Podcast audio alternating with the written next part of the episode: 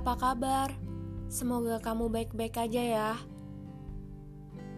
Alhamdulillah, akhirnya kita berhasil melewati hari kemenangan, yaitu hari Lebaran. Benar-benar di luar ekspektasi aku sebelum kita berada dalam masa pandemi kayak sekarang ini. Iya, harus sholat di rumah aja, harus menerapkan physical distancing, tamu yang ke rumah juga sepi. Ya, gitu deh. Gak apa-apa. Hari kemenangan yang terpenting adalah kita kembali fitri, kembali suci, dan bisa mengevaluasi diri kita tentang menjadi manusia yang lebih baik lagi. Semoga amal ibadah kita diterima oleh Allah Subhanahu wa taala. Dan aku pribadi mohon maaf lahir dan batin untuk seluruh teman-teman yang sudah mengenal aku secara langsung maupun sekedar melalui media sosial. Aku minta maaf untuk semua perkataan maupun perbuatan yang pernah aku lakuin ke kalian. Dan juga kata-kata di podcast ini aku mohon maaf kalau misalkan ada yang salah-salah atau menyinggung beberapa pihak aku nggak ada maksud apa-apa. Aku cuma berusaha untuk berbagi dan ya mengisi kegabutan aku pribadi sih. Itu tujuan utamanya. Dan yang terpenting bisa bermanfaat untuk teman-teman semua. Jadi tema kali ini itu bosen yang produktif. Iya. Sebenarnya ini request dari salah satu teman volunteer aku kemarin. Dia anak yang berasal dari Lampung, mahasiswi ITB jurusan seni rupa. Wah, keren gak sih? Jadi temen aku si Riva ini iseng-iseng aja sih kayaknya request tentang bosan-bosannya produktif Iya, dan aku akan membahasnya sedikit melalui perspektif aku sendiri. Dan semoga ini bisa jadi apa ya? Bisa bermanfaat lah buat teman-teman pokoknya buat mengevaluasi diri kita semua, termasuk aku juga. Jadi orang yang produktif dan orang yang bosenan, orang yang mudah gabut itu sebenarnya bertolak belakang tapi tidak bisa dipisahkan. Iya, produktivitas itu wajib banget sih buat kita semua. Karena kalau kita nggak produktif, kita nggak akan bisa menciptakan apa-apa kecuali manusia yang apa ya? Aduh, takut salah ngomong. Pokoknya gitu deh, pasti teman-teman paham. Menurut aku, dari sisi tema kita kali ini tentang bosan yang produktif itu tercipta dua manusia dengan tipikal ini, yaitu produktivitas yang didasari oleh kata memaksa dan dipaksa. Ya, tema kali ini gak jauh-jauh dari hashtag di rumah aja, masih sekitaran itu. Jadi memaksa dan dipaksa. Tipikal orang yang produktif karena dua alasan ini sebenarnya bisa kita artikan bahwa pertama dipaksa dulu ya. Jadi tipikal orang yang produktif karena dipaksa adalah tipikal orang yang menurut aku dia tuh harus kerja berdasarkan target yang diberikan oleh orang lain. Ya, misalkan kayak freelancer sekalipun. Iya freelancer sekalipun pasti uh, dia tuh butuh banget apa ya uh, target yang diberikan dari orang lain itu kan pasti. Nggak semua freelancer itu independen. Pasti ada juga yang bekerja berdasarkan target. Apalagi penulis-penulis lepas penulis artikel. Itu aku yakin mereka banyak yang kerja pakai target sih. Um, dan mereka kadang aku pribadi pun pernah ngerasain hal itu walaupun nggak dominan semuanya sih. Jadi pasti membutuhkan yang namanya tuh punishment. Kalau nggak ada punishment pasti ngerasa kayak uh, ya udahlah bodo amat nggak ada punishment ini kan gitu. Ketika lagi mager itu itu jadi merajai diri kita jadi menguasai diri kita dan setelah itu jadi insecure sendiri iya dan tipikal yang dipaksa ini adalah orang yang bekerja berdasarkan otak dan fisik Sedangkan orang yang memaksa dalam konteks bukan otoriter ya. Dalam konteks memaksa di sini adalah memaksa dengan memberikan tuntutan yang asalnya itu dari diri sendiri. Kalau dipaksa tadi produktivitasnya berasal berdas, e, berasal dari tuntutan dari orang lain, sedangkan memaksa aku maknai sebagai tuntutan yang berasal dari diri sendiri. Iya, untuk diri sendiri. Jadi, orang yang tipikal memaksa diri sendiri untuk mencapai suatu produktivitas ini adalah orang yang kerjanya itu nggak butuh punishment, nggak butuh um, pokoknya dia tuh kerjanya juga bukan sekedar pakai otak dan fisik, tapi juga pakai hati. Itu terpenting. Kerja itu yang terpenting juga harus pakai hati, bukan cuma otak dan fisik doang. Karena kalau kita nggak mengerjakannya pakai hati balik-balik lagi kita nggak bakal ikhlas. Kita akan merasa terbebani dan ujung-ujungnya makan hati. Nah itu yang gak enak jadi itu bedanya. Kalau dipaksa kebanyakan orang itu membutuhkan punishment. Karena target yang dia ingin capai itu berasal dari orang lain. Dan kadang juga bahkan merasa insecure sendiri ketika targetnya gak bisa tercapai. Karena dia jadi dapat punishment tadi gitu. Terus kerjanya pakai otak dan fisik. Sedangkan memaksa tipe kalau orang yang memaksa dirinya sendiri adalah orang yang bisa bekerja tanpa punishment dia bahagia mengerjakannya karena itu berasal dari dirinya sendiri. Target itu dia ciptakan untuk dirinya sendiri, bukan dari orang lain. Dan terpenting, dia bekerja menggunakan hati, bukan cuma otak dan fisik. Nah, jadi untuk solusinya tipikal orang yang dipaksa ini kayak gimana sih harusnya? Menurut aku pribadi nih, aku pribadi pun sebenarnya kadang juga menjadi orang yang tipikal dipaksa. Jadi uh, suka mager sendiri gitu kalau misalkan nggak ada punishment. Kita juga pasti kan semuanya pernah mendapat target dari orang lain mendapat tuntutan dari orang lain.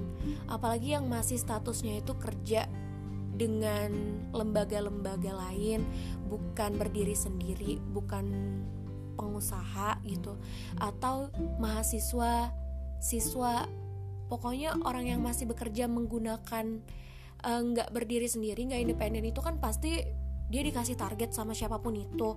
Bahkan sebenarnya setiap orang tuh punya target yang diberikan oleh, oleh orang lain. Misalkan hal yang paling sederhana adalah target yang diberikan oleh orang tua. Amanah lebih tepatnya dan lebih enak didengarnya amanah yang diberikan oleh keluarga untuk kita. Nah itu adalah punishment buat diri kita sendiri kalau kita nggak bisa mencapainya gitu.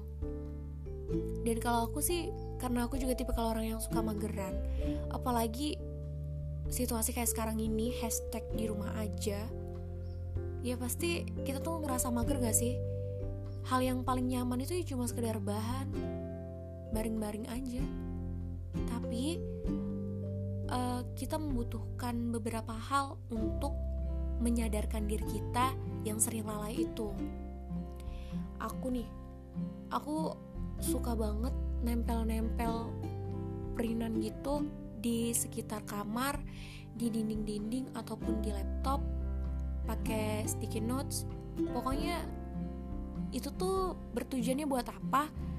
Untuk memberi tamparan kepada diri sendiri.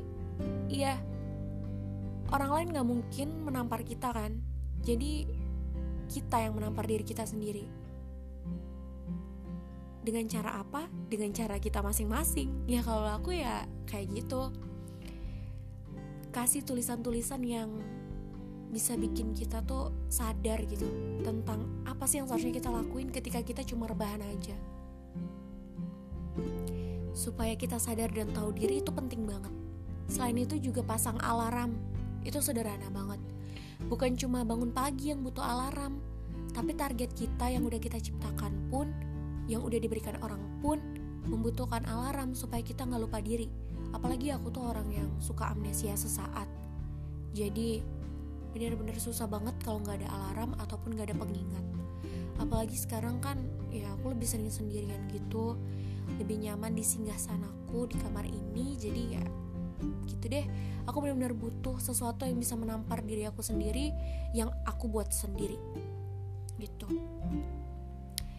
Dan ketika capek dan bosen gimana sih kira-kira solusinya?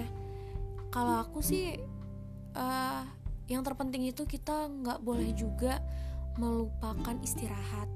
Itu penting banget karena itu bisa merefresh otak kita fisik kita dan hati kita. Kita butuh banget istirahat total ketika kita merasa udah capek banget dan bosan banget. Jangan takut juga target kita nggak kecapai karena kita terlalu memaksakan diri. Jangan. Kita juga manusia kita bukan mesin bukan robot. Robot aja bisa rusak kalau keseringan kerja kalau keseringan dipakai. Apalagi kita manusia itu uh, kita punya sistem imun masing-masing yang beda-beda. Jadi jangan sampai kita tuh melupakan yang namanya istirahat refresh otak. Aduh maaf ya berisik. Jadi istirahat total ini apa aja yang bisa kita kerjakan itu sebenarnya banyak banget. Ya, kita bisa mengerjakan sesuatu yang menyenangkan bukan karena keterpaksaan, tapi berdasarkan apa yang menurut kita itu nggak membosankan tapi menyenangkan gitu. Dan contohnya misalkan untuk anak-anak gamers bisa nih main game gitu kan. Ya pokoknya banyak sih solusi-solusinya solusi sederhana yang pasti semua orang tahu dan paham ya kalau aku pribadi sih uh, sebelumnya aku emang suka main game walaupun gak fanatik banget. Ya seenggaknya uh, main game yang normal-normal aja sih. Ya kalau bisa juga jangan yang terlalu menguras kuota internet gitu. Walaupun ya aku juga kadang suka butuh banget teman ngobrol jadi suka main game yang bisa ngobrol sama orang-orang baru gitu. Karena aku tipe kalau orang yang suka ngobrol banget dan suka mengenal orang-orang baru gitu. Atau bisa ngedit-ngedit foto, video. Ya aku suka kayak gitu. Mungkin teman-teman bisa cek di Instagram aku at mytakata underscore. Promosi deh. Bisa nonton masak. Tuh itu happy banget sih. Anak-anak drakor pasti suka banget. Walaupun nggak tahu ya aku nih sering dibilang kayak aneh gitu. Aku suka nonton tapi film-film yang menurut mood aku aja. Karena aku tuh orang yang mudian banget. Jadi mudah banget berubah mood seketika. Jadi nonton itu ya bebas. Ketika mood aku lagi bagus nonton yang horor ya horor romance ya romance komedi ya komedi kayak gitu. Thriller ya thriller ya pokoknya bebas lah. Dan masak itu happy banget sih hati senang perut pun kenyang. Iya. Pokoknya gak cowok gak cewek pokoknya coba deh. Makan itu sebenarnya ya walaupun ada beberapa orang yang takut banget buat gendut aku sih bodo amat ya. Karena aku tuh gendut bukan karena banyak makan atau enggak. Karena kalau aku lagi ngerasa bahagia aja gitu ya udah aku ngembang aja gitu badannya. Bukan karena banyak makan atau enggak. Mungkin aku tipikal orang yang dianugerahi makan gak makan tetap gitu-gitu aja badannya um, ini penting juga. Kita juga butuh banget yang namanya olahraga stretching stretching kecil aja pun itu penting banget tuh. Senam pakai lagu-lagu favorit yang ngebeat itu tuh wah asik banget sih. Muter-muter keliling jogging di halaman depan rumah itu itu benar-benar bisa apa ya sengaja merefresh diri kita lah. Ngelihat yang ijo-ijo itu tuh sebenarnya asik banget. Aku juga sempat baca sih nggak tahu benar atau enggak. E, menurut beberapa paham psikologi tuh kalau kita lagi stres sering-sering lihat yang hijau-hijau bukan duit ya. Tapi kayak alam bebas gitu. Ya kalau misalkan kamu tinggalnya di komplek di perkotaan ya mungkin kamu nggak mungkin dong nggak punya tanaman kan kayak gitu. Seenggaknya kamu bisa mulai merawat tanaman kamu mulai bertani kecil-kecilan bikin kebun kecil-kecilan di sekitar pekarangan rumah itu bisa menciptakan udara segar. Apalagi sekarang kan uh, udara kita juga udah mulai bagus lagi nih. Ya karena wabah pandemi ini. Jadi nggak banyak um, udara kotor lagi nggak kayak biasanya atau juga bisa dengan gambar, ngelukis, nulis itu bisa banget untuk merefresh diri kita. Rebahan dan bengong itu juga sebenarnya solusi juga sih menurut aku. Rebahan dan bengong seharian itu benar-benar bisa merecharge fisik dan hati kita. Ya, gitu pokoknya. Banyak banget hal yang bisa kita lakuin banyak banget solusi-solusi yang bisa kita ciptain tergantung diri kita ya. Jadi tinggal kita gimana cara kita mengatasi ketika kita berada dalam fase produktivitas yang memaksa dan dipaksa tadi? Tapi dalam fase bosan bosan buat ngerjain sesuatu. Banyak banget hal yang bisa kita explore. Uh, bosan itu pasti. Cuma jangan sampai kita stres juga karena terlalu me-push target kita tadi. Ya. Have fun. Semoga hari-hari kita semakin bahagia. Semoga pandemi lekas pulih dan semoga teman-teman semua always happy. Menjadi sesuatu yang berharga tidak sulit cukup menjadi diri sendiri dan bahagia dengan caramu sendiri. Ditunggu request dari teman-teman untuk tema podcast aku selanjutnya. Bisa langsung DM aku aja di @maetakata underscore. Oke, salam cinta. Sampai jumpa di episode selanjutnya.